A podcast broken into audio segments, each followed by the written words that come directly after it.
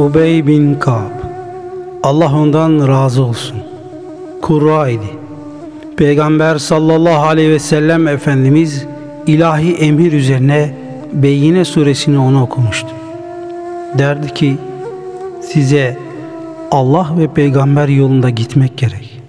Böyle olmayan ve Allah'ı zikretmeyen kimse Allah korkusuyla gözlerinden yaş akıtsa yine de ateşe girer. Çizilen ilahi yol dahilinde orta halli gitmek bu yolun dışında kalıp müştehitler gibi çalışmaktan daha hayırlıdır. Derdi ki bir kimse Allah için bir şeyi terk ederse Allah ona terk ettiği şeyden hayırlısını verir. Hem de hiç ummadığı yerden.